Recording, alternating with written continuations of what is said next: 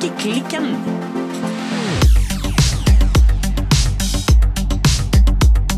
Hei, Birte. Hallo, Silje. Silje, Ja. hva gjorde du på i Marrakech? oh, jeg Jeg spør ikke om strikking engang. Jeg bare hopper rett til. Ja, Ja. i vår reiseblogg. Yes. Nei, jeg har jo altså vært eh, i Marrakech i høstferien. Ja. Eller i Marokko. Vi var ikke bare i Marrakech, men det var det som var hovedstedet vårt. ja.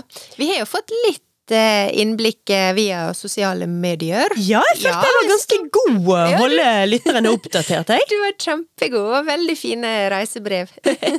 Ja, nei, altså vi, eh, vi bodde jo da i Medinaen, som er gamlebyen med mur rundt, Ja. i et distrikt som heter Keshba. Ja. Veldig gamle greier. Ja. Og det var mye mer eh, autentisk og ekte og gammelt enn jeg trodde. Ja. Det var mye mer esler eh, i gatene, og katter overalt, og eh, hestebæsj og eselbæsj, og veldig mange kvinner med full on nikab, altså full eh, ansiktsbedekning, kun du kan se øynene så vidt det er. Ja. Mye mindre vestlig enn jeg trodde, da, inne i Medinaen i Marrakech. Ja, for er det, er det spesifikt, eller noe som er spesielt for Medinaen, eller er det liksom en, en slags sånn eh, nyby som er mer sånn turistprega, eller Altså, det er alt. Ja. Og de noen steder så ligger det i forskjellige områder, og i andre steder så ligger det faktisk nesten gate for gate. Ja. På et tidspunkt så var vi for eksempel i eh, et vannland hvor det var strengt forbudt å bruke burkini. Der var det kun lov med vestlig badetøy. Og på veien tilbake igjen til Medinaen så ba vi taxisjåføren stoppe på et supermarked, for vi måtte handle litt. Og da havnet vi altså på Åsane senter. Ja. Ja. Marrakech sitt svar på Åsane senter. Ja. Og så inn igjen i Medinaen, der hvor de da ja, tidvis sitter på bakken og selger rått kjøtt uten kjøleskap rett ved siden av tusenvis av løse katter. Så ekstreme kontraster. Ja. Og veldig, veldig spennende og gøy, altså. Så Marokko, og, eller i hvert fall Marrakech, da. Jeg føler meg kanskje ikke helt eh, klar for å uttale meg om Marokko som helhet. Men Det er jo et land med utrolig mye farger og lukter og inntrykk og lyder. Og altså, man er pepret Ja. hele tiden. Alt fra klokken seks om morgenen når første bønneropet er, det er jo fem av de om dagen, eh, til liksom alle disse krydderluktene som er overalt. Støyen. Det er, det er altså så mye. Kjempegøy. Ja. Og veldig slitsomt. Vi bodde heldigvis Vi bodde jo da midt i dette her, men i et veldig sånn rolig Vi hadde vår egen riad, som det heter, som er et sånn lite hus uten tak. Ja. Så det var en helt genial måte å bo på. Ja, nei, kjære vene, for et land! Altså, ørken, men i bakgrunnen bak Marrakech så ser du Atlasfjellene med snø på. Det er egentlig bare verden på steroider. ja, men eh, vi snakka jo om denne her eh, hagen. Ja! Fikk du, fikk du besøkt eh, den denne Yves Saint Laurent-hagen som eh, han og partneren eh, kan hete Peter Berger, eller noe sånt? Ja og nei og ja. Ja, ja. Altså, det, det den hagen er, det er um, Jardin Majorel. Altså Majorelle-hagen er det egentlig. Ja. Det var en kunstner som het Majorel, som anla denne hagen, og som hadde atelieret sitt der. Ja, der var jeg. Den, Ja. eh, grunnen til at dette har en lenke til Yves Saint Laurent, var at han rett og slett kjøpte denne hagen og det atelieret i en ganske litt sånn forfallen status på 1970-tallet. Og så pusset han det opp. ja. Men det er altså egentlig ikke hans. Nei, men når du forklarte det nå, så var det litt sånn Han har jo hatt vil Han er han har hatt en finger med i spillet. Han har hatt en finger med i spillet, og det var da han andre som du nevner, han eh, Når, når jeg sa Peter, så mente jeg eh, det var nesten det norske navnet. Pierre Berger. Pierre Eller- Berger, ja. ja. Som vel var eh, Jeg vet ikke om han var legally mannen til Yves, men de var nå vel partnere, tror jeg. Ja. Etter at eh, Yves Saint Laurent døde, så donerte Berger Pierre. Ja. Skal vi, skal, Er vi på fornavn med han? Jeg vet, ikke, jeg vet ikke hvordan jeg uttaler etternavnet, men eh, Pierre tror jeg i hvert fall. Da er vi på fornavn. Passelig på Ja, vi er på fornavn. Vi kjører, vi kjører fornavn. Uh, han Pierre ja. Han donerte vekk hagen til Yves. Nei da. Altså, da åpnet han det for publikum, og samtidig så åpnet han også da det gamle atelieret til eh, Majorelle, og åpnet en berberutstilling i det lokalet. Ja. Du kan på en måte kjøpe en enkel billett, eller du kan kjøpe en trippelbillett. Jeg gikk for trippelløsningen, og besøkte da både Yves Klein-museet, denne Majorelle-hagen og Berbermuseet. Og det var en fin dag, det også, altså. Ja. Tipp topp tommel opp der òg. Marrakech er jo en plass eh, ja, som jeg kjenner at jeg har hatt lyst til å reise til ganske lenge. Det er jo en veldig sånn klassisk eh, destinasjon, håper jeg, for eh, både kunstnersjeler og andre. Altså det, Og andre sjeler. og andre sjeler. Det går jo for å være en, en veldig inspirerende plass å reise til. På grunn av alt det du sier, altså fargene, luktene, altså denne her Er det lov å si eksotiske verden som du, som du kommer inn i? Ja, altså jeg vet ikke om det er politisk korrekt å si, men det er i hvert fall ikke noe tvil om at jeg har ikke vært et sted som har vært mer annerledes enn en Marrakech, enn bakgatene i Marrakech. Det, var, det er det lengst vekk fra dagliglivet, mitt dagligliv, jeg noensinne har vært. Ja. Ja. Så jeg tenker jo ja, at hvis du ikke blir inspirert der, så kanskje du, kanskje du bare ikke har fantasi. Nei. Men eh, var du og besøkte disse markedene, og det er jo dette store markedet som er veldig kjent, og jeg tipper det er sikkert mange andre marked som er litt mindre kjent, men eh, hva gjorde du på når du var i Marrakech? Altså, sånn som vi bodde, så var ikke noe spørsmål om besøkte du markedet. Gikk jeg ut døren, så gikk jeg i to smug, og så var jeg i markedet. Ja. Så gikk, jeg var på markedene hele tiden. Du var på marked hele tida, ja? Hele tida. Ja. Eh, Men ja, det store du snakker om, eh, Jamal El Fna Fna, Fna. Veldig gøy å si for øvrig. Ja. Eh, Jeg var der også. Det var litt for eh, intenst eh, for min smak. Ja. Der er det mye slanger så de henger rundt halsen på deg, og uh, veldig mye Ja, det, det var, der var altså, det ting. ut, uten at du bedt om det, på en måte? Litt sånn funny snake round the neck? Nei, det er vel det at hvis du står stille, så får du en slange rundt halsen, og så skal du ta bilde, og så er det gøy. Men jeg, jeg klarte tydeligvis å utstråle nok at så nærmer deg meg med den slangen, så, så blir det drap i Marokko. Det hadde jeg håpet jeg hadde klart å utstråle også. Ja. Ja, nei, jeg fikk ingen slange rundt halsen, men Nei. eh, barna mine fikk. Oh. da dro de tilbake igjen eh, med min mann, så de, de var der og fikk ha slanger rundt halsen. Det slapp jeg, altså. Ja, men ja, vi var der. Andre sånne morsomme ting. Vi var også på en dag var vi på sånn daypass på et veldig, veldig, veldig jålete hotell.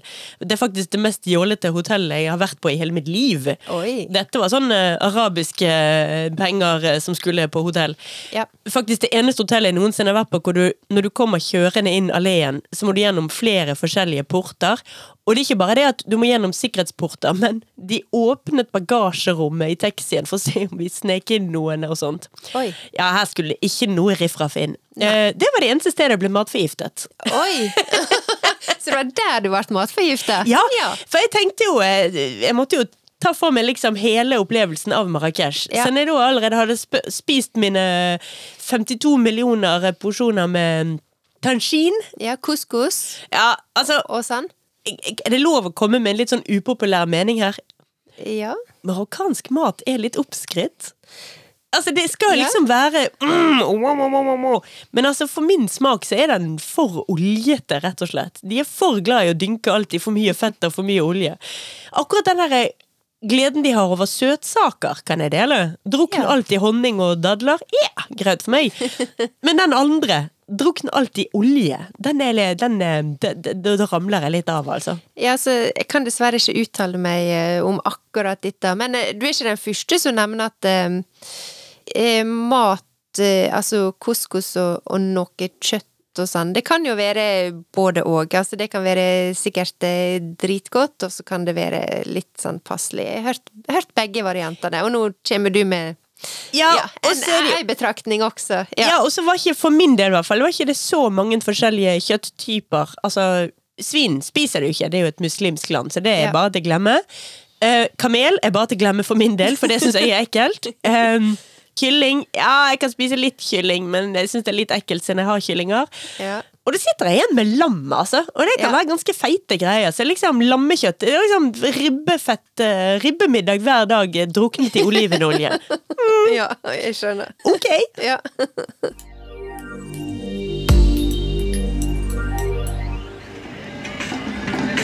Men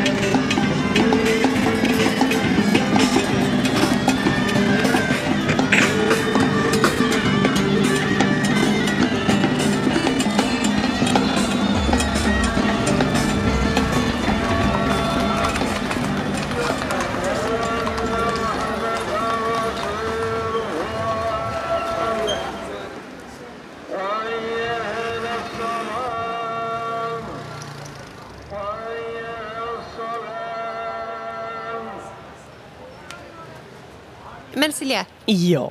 i, nå er vi på ei lita her eh, rundreise i Marrakech. Ja, vi Men- er i Marokkolandet. Yes. Men eh, var det noe sånn Var det noe strikkegreier der?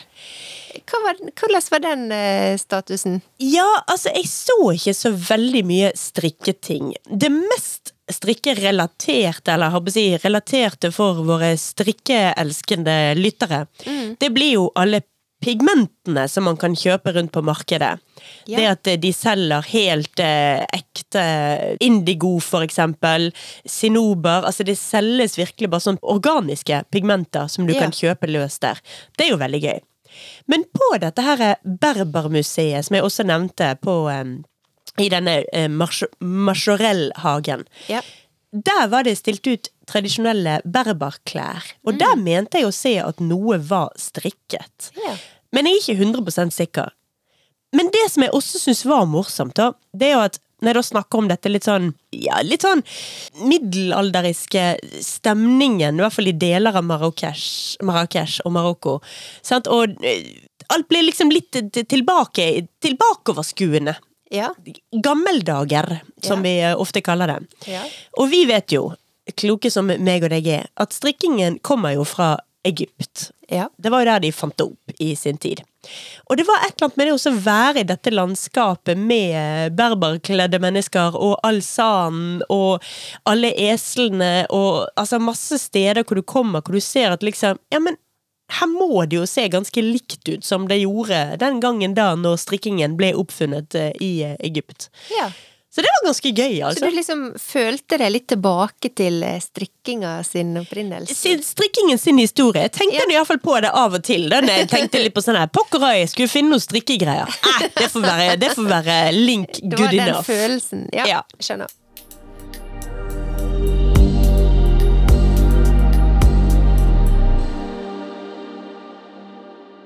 I dag, Silje, Ja.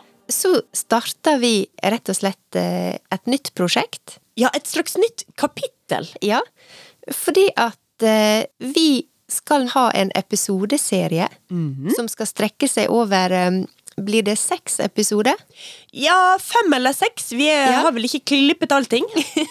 Nei, det har ikke vi. Men vi skal rett og slett gjøre et skikkelig, skikkelig djupdykk i norsk strikkehistorie. Det skal vi. Vi har jo snakket eh, mye om strikkehistorie, og, ikke minst norsk strikkehistorie i eh, Strikkeklikken. Ja. Men nå skal vi rett og slett prøve å gjøre det litt mer, eh, hva skal vi si, planlagt? Organisert? Ja, på alle måter. Fordi at dette her, det er et prosjekt som vi har fått støtte til å gjøre. Vi har fått støtte fra Vestland fylkeskommune. Ja, mange takk. Og den støtta som vi har fått, det har rett og slett gjort at vi nå kan eh, dedikere flere episoder. Vi skal besøke forskjellige plasser. Ja. Strikkerelaterte plasser. Vi skal snakke med en del interessante og kunnskapsrike mennesker. Og i den anledning så har allerede du, Silje, tatt deg en tur til Bryggen museum. Det har jeg. Og grunnen til at jeg valgte Bryggen museum, det er jo at på Bryggen museum i Bergen så finner vi de eldste fragmentene av strikkete tekstiler i Norge. Ja, og vi er jo så heldige at vi holder jo til her i Bergen. Og både, som vi hører, i Bergen by, altså på Bryggen, men også i regionen vår her, så omgir vi oss med veldig mye strikkehistorie. Og det er noe av det som vi skal finne litt mer ut av i løpet av de neste episodene.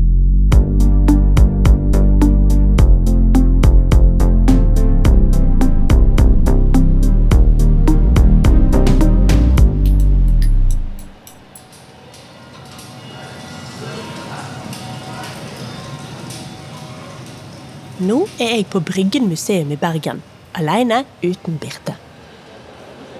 Det er i Bergen og på Bryggen museum vi har de eldste fragmentene fra strikkede tekstiler i Norge. Disse fragmentene er for tiden ikke stilt ut, men jeg er her for å snakke om norsk strikkehistorie med en av formidlerne som jobber her på Bymuseet, en kar som heter Espen Kutschera. Espen er opptatt av kulturtradisjoner og bærekraft. Og så har jeg hørt rykter om at han er veldig god på nålebinding.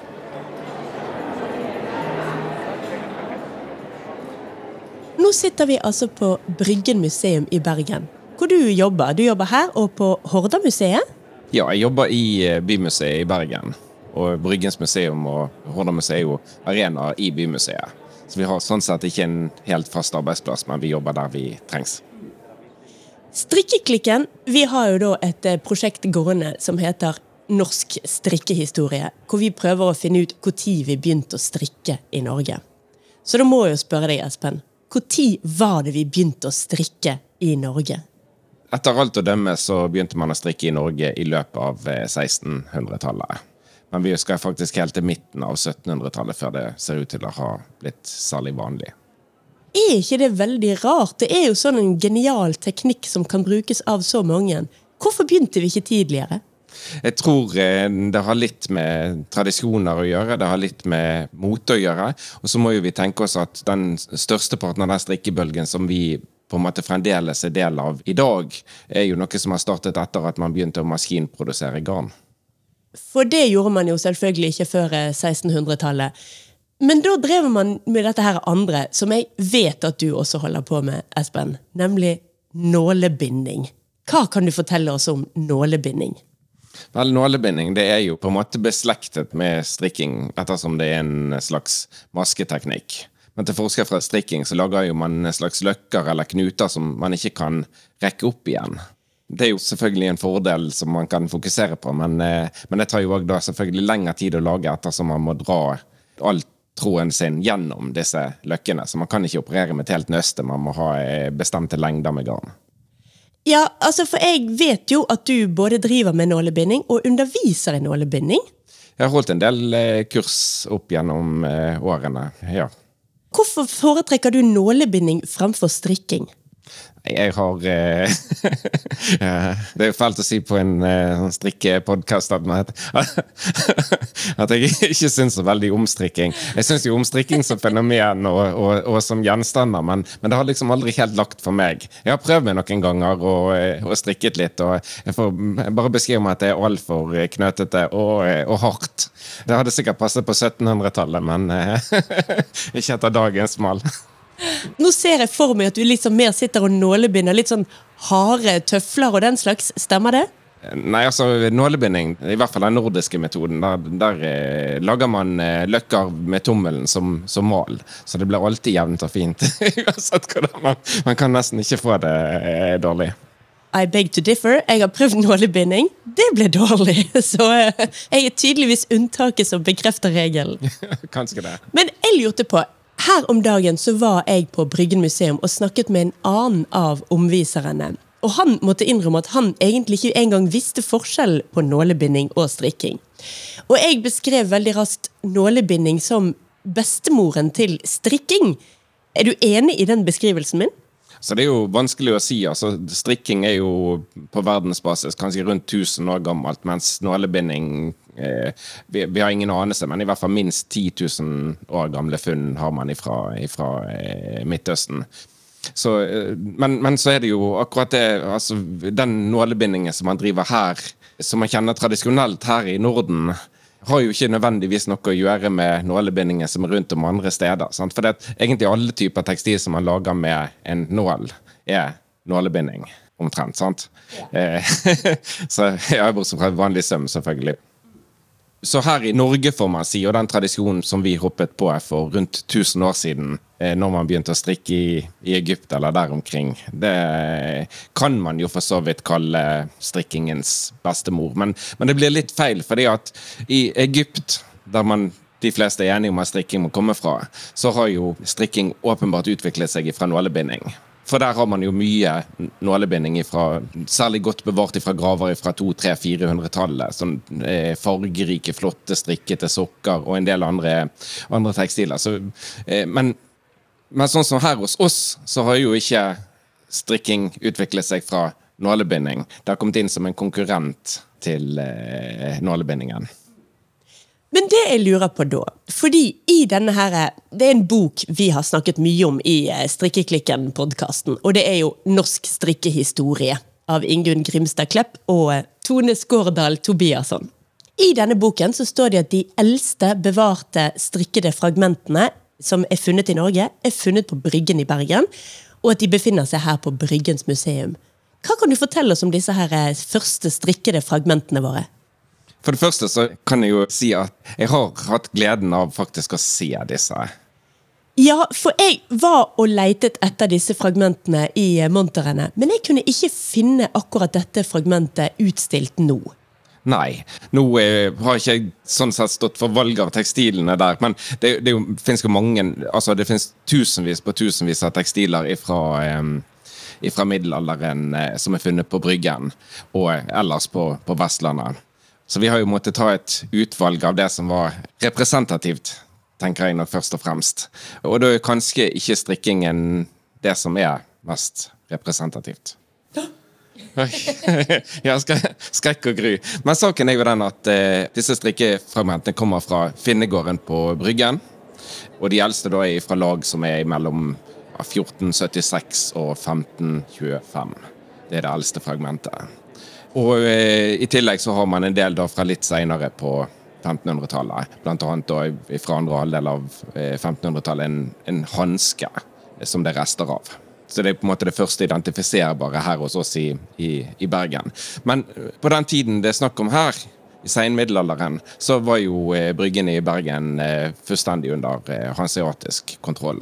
Så derfor så knytter jo òg disse tekstilene seg til tyskere som har oppholdt seg i Bergen på lengre eller kortere opphold. Sant? Og de har hatt sine egne skikker, de har hatt sine egne klesstiler, og eh, derfor så er det veldig vanskelig for oss å tenke oss at dette skulle være strikket i Bergen, eller nødvendigvis brukt av Bergens øvrige befolkning. Man må på en måte se på konteksten de er funnet i, og den er hanseatisk. For vi vet vel at de begynte å strikke nedover i Europa i, eh, i disse såkalte lavlandene mye tidligere enn vi gjorde her oppe i nord? Ja, altså eh, Den eldste eh, strikkingen i Europa er vel sannsynligvis i Spania. Fordi at det var da deler av Spania var under islamsk styre. Og det er typisk òg at vi finner de spanske kongelige graver, men det er helt klart at disse er islamske gjenstander. Det står til og med en islamsk bønn på den ene silkeputen. Men hadde de en annen teknikk på å få laget lange tråder? Altså, jeg tenker at En av fordelene med nålebinding er at du trenger ikke å spinne deg en lang lang tråd, mens det er ganske kjedelig å sitte og spøte på når du skal strikke. Hadde de en annen teknikk for å spinne lange tråder? Altså, Lange tråder har man jo brukt til veving i lang, lang tid en av de tingene som gjør strikking og nålebinding eksklusivt, er jo at vil si frem til det maskinproduserte garnet. Det er jo det at garn tar fryktelig lang tid å spinne. Når du har spunnet masse garn, så ønsker du å utnytte det best mulig. Mest mulig effektivt. Og da kommer ikke strikking og nålebinding på eh, en god plassering i forhold til veving, rett og slett. Veving er den beste utnyttelsen av, av eh, tråd.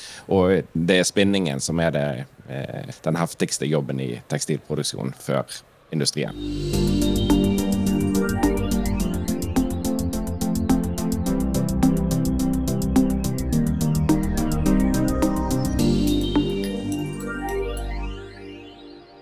så regner vi altså med at hanseatene tok med seg strikke, altså strikkede tekstiler og strikkekunsten til Norge. Vi tror ikke det at hanseatene drev og, og, strikket her. Vi vet at det var mange tyske håndverkere i Bergen på 1400-1500-tallet, men ingen av de eh, drev med strikking. De hadde andre, andre ting de gjorde på. Og hanseatene på Bryggen var handelsfolk.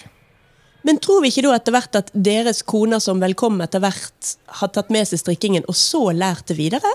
Hvis de hadde hatt eh, koner, så hadde det vært en god slutning. Men, eh, men både de tyske handelsfolkene og de tyske håndverkerne i hansatiden var eh, rene mannssamfunn. De var på midlertidig opphold, og de hadde ikke lov til å eh, kurtisere lokale kvinner.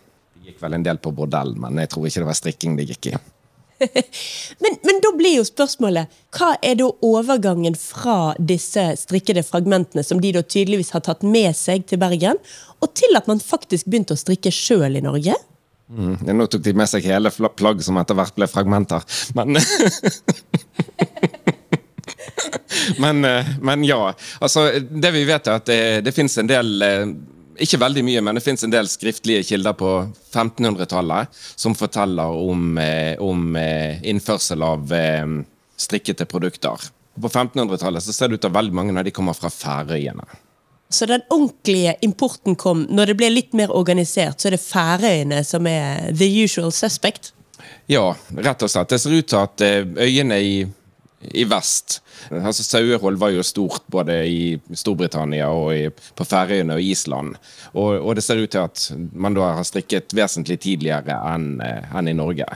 Så 1500-tallet så vet vi at det har blitt importert eh, ullsokker til Bergen. Og eh, det fins jo òg en kurios eh, beskrivelse av en eh, de, Man skal gjøre opp boet til en mann som er blitt henrettet i Bergen. Og da har han da noen slitte ullsokker som fremdeles regnes opp som en viktig verdipost i boet etter han. Men så, da? Altså, så da kan vi påstå at strikkingen som kunnskap da først Altså det første stedet den kom til Norge, var Bergen? Eh, det kan vi faktisk ikke si. Eh, første sted vi vet at noen strikket, er Stavanger. Hva er første historie man vet om at folk strikket i Norge, og ikke bare importerte strikkevarer? Ja, der er det en eh, Det er to kvinner som, eh, som da er arrestert for eh, trolldom og tyveri. Jeg kan ikke den helt på stående fot, den historien, men kanskje man kan nøste igjen her. På 1630-tallet en gang så blir de hanket inn av lovens lange arm. Og hun ene, eh, eller de betegnes som landstrykere, men hun ene jobbet med å strikke strømper som hun andre solgte. Så de var eh, trollkvinner og strikkere. For en kombo! Ja, men var, Det er i hvert fall den første som nevnes, og hun nevnes ved navn, selv om jeg ikke husker det. Eh, så, eh, så nevnes hun ved navn, og hun er på en måte den første da som er oppført som strikkerske. Ja. Fantastisk bra. Jeg må litt tilbake til nålebinding. For vi hadde, vi hadde litt e-postutveksling. Og da skrev du noe om at du hadde en litt eh, upopulær mening om at nålebindingen ikke hadde noe med vikingene å gjøre. Dette må du utdype, Espen. Altså I dag så er jo det gjerne noe av det som eh, mange forbinder med, med kulturarven fra vikingene. Men fakta er den at eh, den eldste, det eldste nålebundne plagget som vi kjenner her i Norge, er en vått fra Oslo som er fra omkring midten av 1000-tallet. Det var omtrent den tiden når vikingtiden da skifta til å bli middelalder. Ja, ikke det sånn omtrent 1030 vi påstår at, eller 1070 vi påstår at vikingtiden var ferdig? Det kommer an på om man er historiker eller arkeolog, og hva man legger vekt på. Så eh, Arkeologene sier 1050. Eh, historikerne sier ofte 1066, når eh, Harald Hardråde døde i eh, forsøk på å erobre England. Så rett og slett de eldste nålebundete fragmentene i Norge er fra enten helt på slutten av vikingtiden eller rett og slett starten av middelalderen? Ja, omtrent på samme tid når de første strikkeplaggene begynner å dukke opp i Egypt. Så vi oppfant nålebindingen, og de oppfant strikkingen? Vi oppfant ikke nålebindingen. Vi har nok fått den fra et annet sted, tenker jeg. jeg kan si at uh, i, Borte i England, i York, som da var, i hvert fall i en kort periode på 800-900-tallet, eh, var eh, vikinghovedstaden i England. Eh, som var styrt av danskene, og der vi òg hadde vår egen Erik Blodøks som konge en, en liten periode. Der er det funnet en sokk fra 900-tallet som er nålebundet. Og da tar man jo automatisk utgangspunkt i at denne må være skandinavisk, siden vi driver og nålebinder i Skandinavia. Men saken er jo den at den da er eldre og i en teknikk som man ikke senere finner i, i, Skandinavia. Så jeg vil si at det er nok en liten sirkelslutning. Så hvis det skal være diplomatisk, og det skal man jo være, så vil jeg hevde det at nålebinding er innenfor det man kunne få fatt i hvis man var ute og reiste i vikingtiden.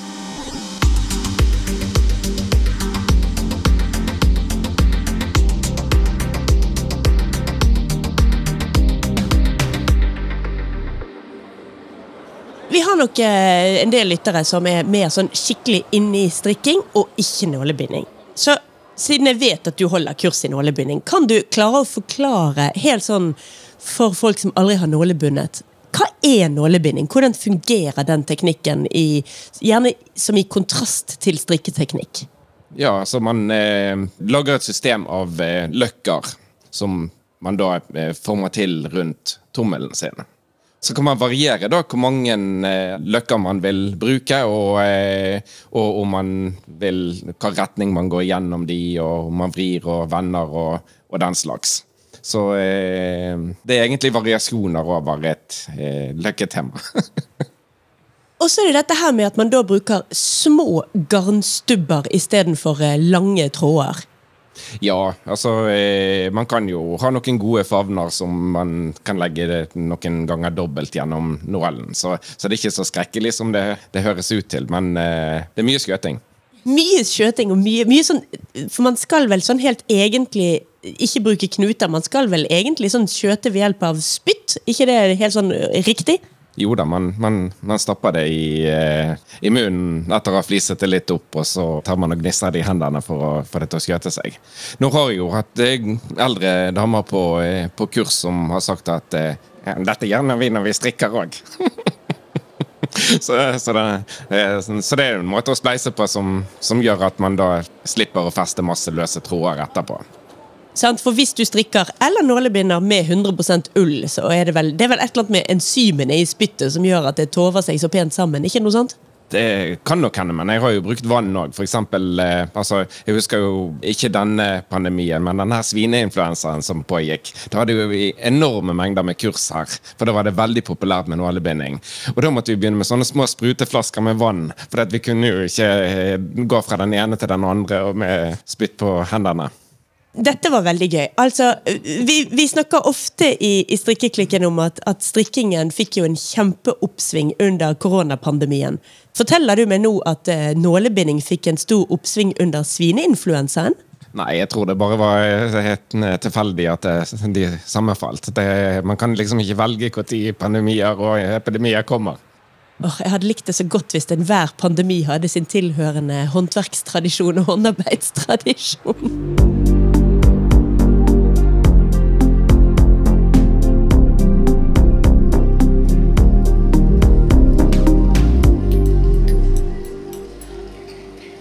Snakket litt om dette her eldste strikkete fragmentet vi har i Norge, som altså er funnet på Finnegården. Men i denne boken, 'Norsk strikkehistorie', så står det at i 2018 var det funnet noe som kanskje var enda eldre. Kan du fortelle litt om det mulige strikkefragmentet? Eh, det må jo jeg innrømme at, eh, at, det er første gang jeg konfronteres med. Jeg har eh, rett og slett involvert en del arkeologer, middelalderarkeologer for å kunne finne ut av dette. Hvis det er fra 2018, så antar jeg at det må være fra de utgravningene som pågikk i Vågsbunnen innover i Kong Oskars gate og der omkring. For der ble det altså funnet noen fragmenter som da kan det stemme da at de ikke er ordentlig forsket på og undersøkt enda? Ja, det vil jo alltid ta en viss tid fra ting blir gravd opp så skal det konserveres, og så skal det registreres og magasineres. Det er enkelte ting, sånn som Jeg husker man fant en gullring under disse utgravningene. Den kom på utstilling med en gang. Men det er jo konservering av gullgjenstander er ikke en stor utfordring. Men, men, det er klart når man har tekstilfragmenter, så eh, er de ofte veldig skjøre og må behandles eh, varsomt eh, før man kan si at de er trygge og tar vare på. Hvordan daterer man et sånt fragment? Det fine med Bergen er jo at eh, Bergen har brent til grunnen utallige ganger. Og hver gang Bergen har brent til grunnen, så har det dannet seg nye avsetninger. Så, så disse brannene er en fin rettesnor når vi kan koble de til historiske begivenheter. Så det er rett og slett det som vi kaller stratigrafi i arkeologien. Dette at eh, ting ligger lagvis nedover. Det eldste underst. Da heldigvis. Ja, det er jo veldig, egentlig veldig grei måte å datere ting på, at det kommer sånn helt sånn lag på lag her eh, på Bryggen i Bergen. Ja da, det det er, jo sånn mange steder. Men, eh, men, eh, men, det er klart, det er Vi tenker jo ofte ikke så mye på det at vi, at vi går på metervis med, med, rester etter de som har vært eh, før oss. Jeg kan jo si at eh, altså, med forbehold, siden jeg ikke kjenner til akkurat disse tekstilene, på det nåværende tidspunkt i hvert fall, så eh, er det jo òg sånn at eh, dersom det skulle vise seg å være strikking for det er jo ikke sikkert. Jeg må nesten se det for å tro det. Så eh, kan det jo fremdeles selvfølgelig være importerte tekstiler. Så jeg tror på en måte ikke at den norske strikkehistorien endrer seg så utrolig mye, annet enn at vi på en måte kan notere oss en, et tidligere funn av importerte tekstiler. Kan vi si at De som holdt til i Vågsbunnen, var jo òg da gjerne tyskere. Ja, De bodde helt bort dit. Jeg trodde faktisk de holdt seg mer eh, lokalt bare på Bryggen. Jeg trodde det var helt avgrenset. Altså, De som holdt til på Bryggen, var jo handelsfolkene. Men så hadde man jo da eh, både tyske skomakere og skreddere og skinnere og gullsmeder og andre som, som, holdt til andre steder. Men det var eh, særlig i, eh, i Kong gate der, så er det jo skomakere og skreddere som, som holdt til. Men nå har vi snakket en del om strikkete fragmenter. Hva er det første hele strikkeplagget vi har bevart i Norge? Oftest så er det jo fragmenter man finner i bygravninger. Fordi at de fleste tekstiler de har blitt brukt og reparert og arvet og gjenbrukt til andre ting. Så, så derfor er det jo sånn at selv om vi har tusenvis av tekstiler som er funnet fra byer, så er de fleste ofte så fragmenterte at det nesten ikke er råd å si hva type plagg de kom fra en gang. Men så har man jo da enkelte heldige omstendigheter når folk har mistet et eller annet. Og eh, oppe i, eh, i Trøndelag, på Steinvikholm slott, borg ja, Festningen til erkebiskopen eh, Der har noen altså mistet en strikkehue på begynnelsen av, eller første halvdel av 1500-tallet. Men da regner man med at den er importert, eller tror vi at den er strikket i Norge? Nei, den er nok eh, importert, den òg. Man kan jo selvsagt ikke være helt sikker på det, men, men, dette er jo en sånn type ting som var veldig høy mote i England på, på, den tiden. Det er rett og slett det som man kaller for en bonnet. Det er en slags sånn Den har brem, og så har den en sånn flat pull. Så eh, hvis man eh, er glad i eh, sånn engelske TV-serier som omhandler Tudor-tiden, så har man sikkert sett haugevis av disse på TV mens man har strikket til TV-serier. Jeg har sett de hattene, men det har aldri falt meg inn at de var strikket engang. Nei, fordi at når man strikket de, så var de jo ofte tovet sånn at de skulle være tette. Så Derfor så ser man det jo ikke før man kommer tett på. Men eh, jeg kjenner eh, engelsk eh, film sin grundighet så godt at jeg er helt sikker på at de må være eh, forskriftsmessig laget. så da er altså det eldste hele strikkeplagget i Norge, det er en eh, hva du kalte det, en bonnet i, i Trøndelag? Ja, rett og slett det. Og den, tror man da at den er importert fra England eller Færøyene? Nei, Den kan jeg tenke meg er importert fra eh, England. Og man hadde jo mye kontakt med de, med de britiske øyer. Kan man da liksom også komme med påstanden at fra Færøyene kom det mer hverdagsstrikk for eh, hverdagsmennesker, altså luer og votter, og så litt mer jåleplagg til biskoper fra England? Ja, altså, absolutt. Eh, for det at vi snakker jo om, altså, Når det gjelder strikkingen, så har vi hele tiden mote og elite på den ene siden, og så har man da de folkelige produktene og den folkelige produksjonen ved siden av. sant? Altså Det ser man jo i, eh, i Europa i, i, middelalderen, når eh, det dannet seg håndverkslaug av strikkere. Så gikk det jo stort sett i silke. Og eksklusive produkter. Og så på begynnelsen av 1500-tallet, slutten av 1400-tallet, så begynner jo man med disse her sånn tettsittende, høye silkestrømpene. Sånn som man kjenner så godt ifra, ifra eh, renessansen. Og de eh, blir jo på moten forskjellige steder rundt om. Og så på samme tid så begynner man òg med silketrøyer med metallbroderier og utsøkte mønstre og den slags. Sånn typisk òg sånt laugsprodukt. Disse er jo òg ting som faktisk har funnet veien til Norge på, eh, i hvert fall på 1600-tallet. Så vi har faktisk en del sånne i museumssamlinger i Norge disse silketrøyene fra 1600-tallet. Men dette var ikke noe for eh, fattige bonden Jens innerst i en eh, fjordarm med litt lepra i blodet. Nei, helt, helt klart, altså. Dette har, har tilhørt eliten. Vi, vi har en sånn en knyttet til samlingene i Bymuseet, og det er fra Alvøen hovedgård. Ofte så er jo disse her også i en så god tilstand at vi skjønner at de har vært så eksklusive at selv overklassen har ikke kunnet slite de ut.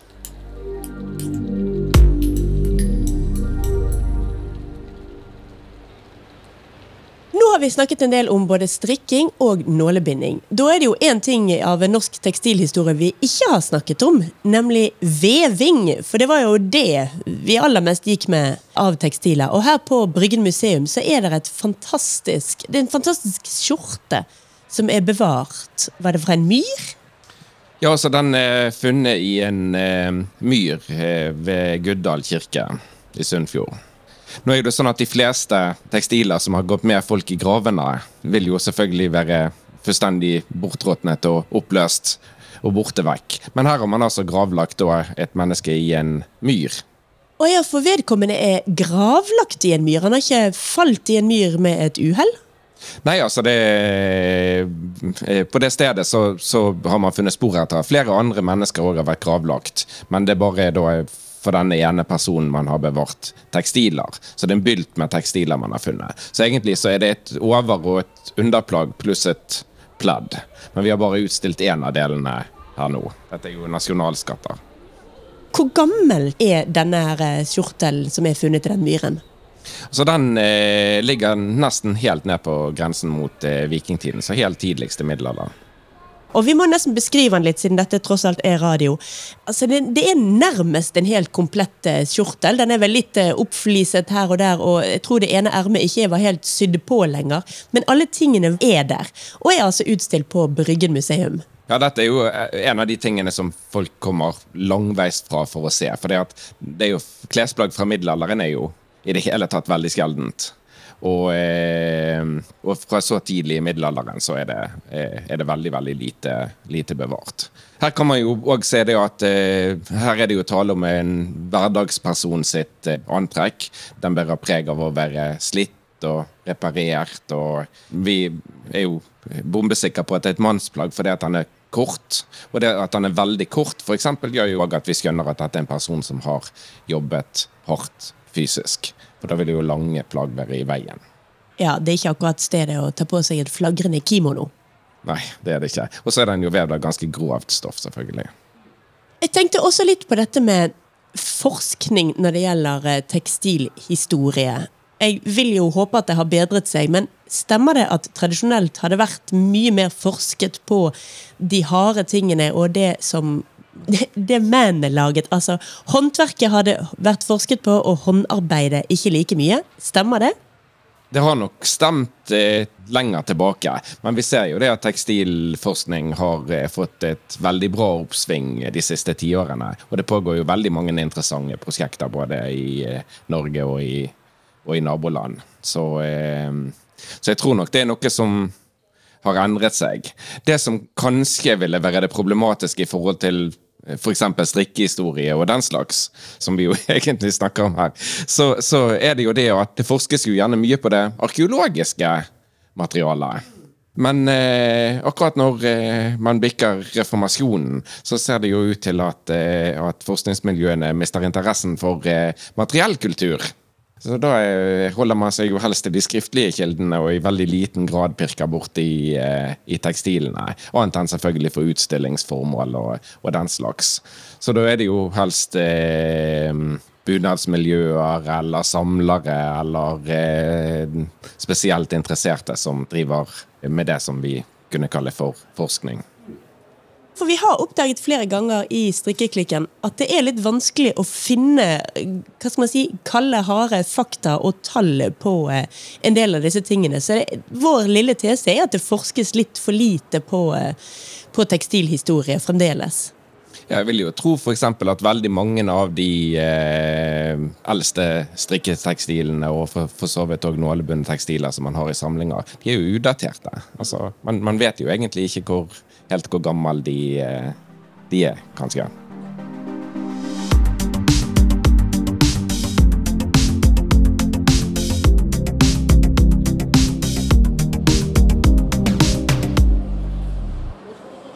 Men Espen, det er én ting jeg må spørre om.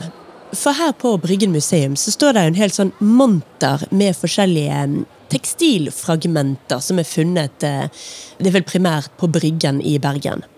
Ja, det er jo eh, varierer alt fra grove emballasje tekstiler til eh, de aller fineste ulltekstiler og pyntebånd i, i brikkeveving. Men ett av disse tekstilene, som lå liksom litt sånn baki der og var litt uskyldig og bare en liten flik, sånn omtrent på størrelse med litt mindre enn håndflaten min. For meg, på litt avstand, så så det ut som det var strikket. Og det var datert til mellom 1248 og 1332. Og da ble jo jeg fryktelig glad og tenkte at kanskje vi kan tilbakedatere det eldste funnede strikkefragmentet i Norge. Espen, har jeg gjort en stor forskningsoppdagelse her? Det tror jeg nok ikke. Nå må jeg jo innrømme at eh, det, det ligger jo godt gjemt bak i, bak i monteret der. Så det, det er vanskelig å, å, eh, å, uttale seg bombesikkert om det. Men nå kan jeg jo si, da, uten å ha skrekket opplysningene på akkurat denne eh, nummer 4B, eller hva det var for noe, så, så eh, har tekstilene på, på eh, Bryggen vært gjennomgått av flere tekstilarkeologer. Så det ville være rart om ikke de hadde oppdaget det. Dessuten så ville det òg vært sensasjonelt tidlig strikking i så fall. Fordi at eh, da disse putene fra de spanske kongegravene som jeg snakket om, er fra slutten av 1200-tallet. Ja, så min drøm om å komme på forsiden av Museumsnytt-magasinet, den, den, utgår fullstendig. Eh, jeg, jeg, tror nok det, men kanskje vi kan vente på, på, på resultatene fra Vågsbunnen. Så eh, kanskje det gjemmer seg en sensasjon der. Ja, ja, det var jo veldig leit. Men det er altså ingen av disse fragmenterte tekstilene utstilt i monteren her som er strikket? Nei, det, det, er det jo ikke. Jeg har jo hatt gleden av å, eh, å ha utstilt i hvert fall ett av fragmentene fra Finnegården på en utstilling som vi hadde på Hordamuseet, og, og som gikk på vandring i resten av Hordaland i, fra 2007, under det store strikkeåret. Men da, eh, da valgte vi da et eh, ikke det aller eldste fragmentet, fordi at fra andre halvdel av 1500-tallet så hadde man nemlig restene av en hanske så det var veldig greit å kunne stille ut noe som var nesten like gammelt, men der man kunne umiddelbart se hva det var for noe. Ja, eller se hva det hadde vært, for det var vel fremdeles fragmentert? Absolutt. Men i hvert fall en hanske av veldig høy kvalitet. Så det er rett og slett ikke mulig noe sted for publikum å se de eldste strikkede fragmentene i Norge per i dag? Det, det kan man vel si. Nå skal jeg ikke svare for denne her hatten i, i Trøndelag, men, eh, men, i hvert fall eh, når det gjelder de bergenske, så er ikke, det, så er ikke noen av de utstilt per i dag. Nei, men de befinner seg i magasinet, og det kommer antageligvis mer forskning på dette som ble funnet eh, i 2018. Ja, altså det jo, vil jo alltid være sånn at i, i museene sine magasiner så vil det jo finnes mange objekter som av og til vil være fremme ved ulike anledninger, og mye som man sikkert aldri får sett òg. Men vi sørger i hvert fall for at eh, man tar vare på denne kulturarven, og forhåpentligvis får forsket litt på den òg. Har eh, Bymuseet og du noen kurs i nålebinding nå framover? Ja, jeg har et et kurs torsdag den 27. oktober på Bryggens museum. Det er i forbindelse med Ulveka. Så da kan rett og slett folk melde seg på der og lære denne teknikken som vi nå da altså vet at ikke kommer fra vikingene. ja, da kan man melde seg på og, og være med der. Det, det, til gjengjeld så må det jo sies at, at denne nålebindingen var eh, nok ganske utbredt i middelalderen. Men igjen ikke så mye som vi tror. For eksempel så er det jo ikke funnet et eneste nålebindingsfragment i Bergen heller. Men det er funnet i Oslo og Trondheim, blant annet. En gang til. Det er ikke funnet et eneste nålebindingsfragment i Bergen? Nei. Funnet, som sagt, i, i Oslo eh, og, eh, og, Trondheim. Og det er funnet i en god del andre nordiske byer. Men, eh, men nei, det er, ikke, det er, faktisk ikke funnet i Bergen. Nå kan jo det selvfølgelig ha litt igjen å gjøre med at hvis dette var en typisk nordisk ting å gjøre på i middelalderen, så er jo mesteparten av eh, det som er gravd i Bergen, knyttet til eh, hanseatene på Bryggen. Ja, og de gikk med litt strikkete klær, men aller mest vevete klær. Ja, alle, absolutt alle gikk med mest vevde, vevde klær. Og igjen så er det jo, eh, da, som jeg sa, vanskelig å, å, å få ut av disse tekstilene resten er nøyaktig hva de kommer fra.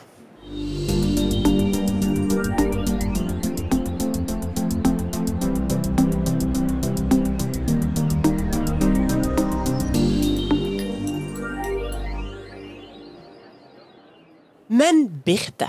Ja. Nå er vi tilbake i studio, for jeg må fortelle deg noe veldig morsomt. Ja. Noe som har skjedd etter at jeg var på Bryggen museum og snakket med Espen Kutschera. Ja. For i ettertid så har jeg altså fått noen e-poster av han, hvor han har tatt seg bryet med å grave dypere om disse her tidligste strikkede fragmentene som jeg spurte han om. Dette fragmentet som skal være funnet i Bergen i 2018, som kanskje kan tilbakedatere hva som er de eldste strikkete fragmentene i Bergen. Fenomenale Espen gjorde dette her om til en liten e-postrunde innad i forskermiljøet sitt, og nå har vi altså fått et svar. Det viser seg at dette her fragmentet har tilvekstnummer BRM1154-136, og det ble funnet den 3. i 8. 2017 i Domkirkegaten i Bergen.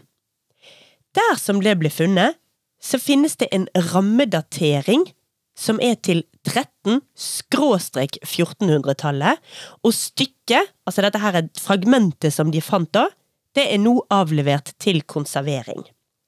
Med andre ord, hvis de finner ut at dette her er fragmentet, som nå altså da er funnet i 2017, er fra 1300-1400-tallet, og det faktisk er strikket, ja så må vi tilbakedatere hva det eldste strikkete fragmentet i Norge er. Og da, da, da, da Hvis det skjer, så tror jeg jeg kan sverge på at vi skal starte en Strikkeklikken-episode med en stor fanfare. ja. Ja, men dette er jo eh, bokstavelig talt eh, graving i strikkingas historie, som kan gi etterspill. Ja, altså her både graver vi historien, og i konserveringen, og i arkeologene sine skattkister der de ligger på lager. Så alt jeg kan si, er at eh, her, som en av mine favorittpodkaster ofte sier, her må det bli mer forskning til. Rett og slett. Vi må finne ut om vi faktisk skal tilbakedatere de eldste strikkete fragmentene, eller ei.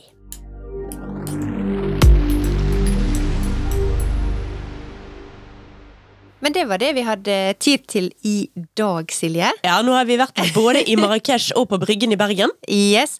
Du har gjort en uh, storveis uh, innsats.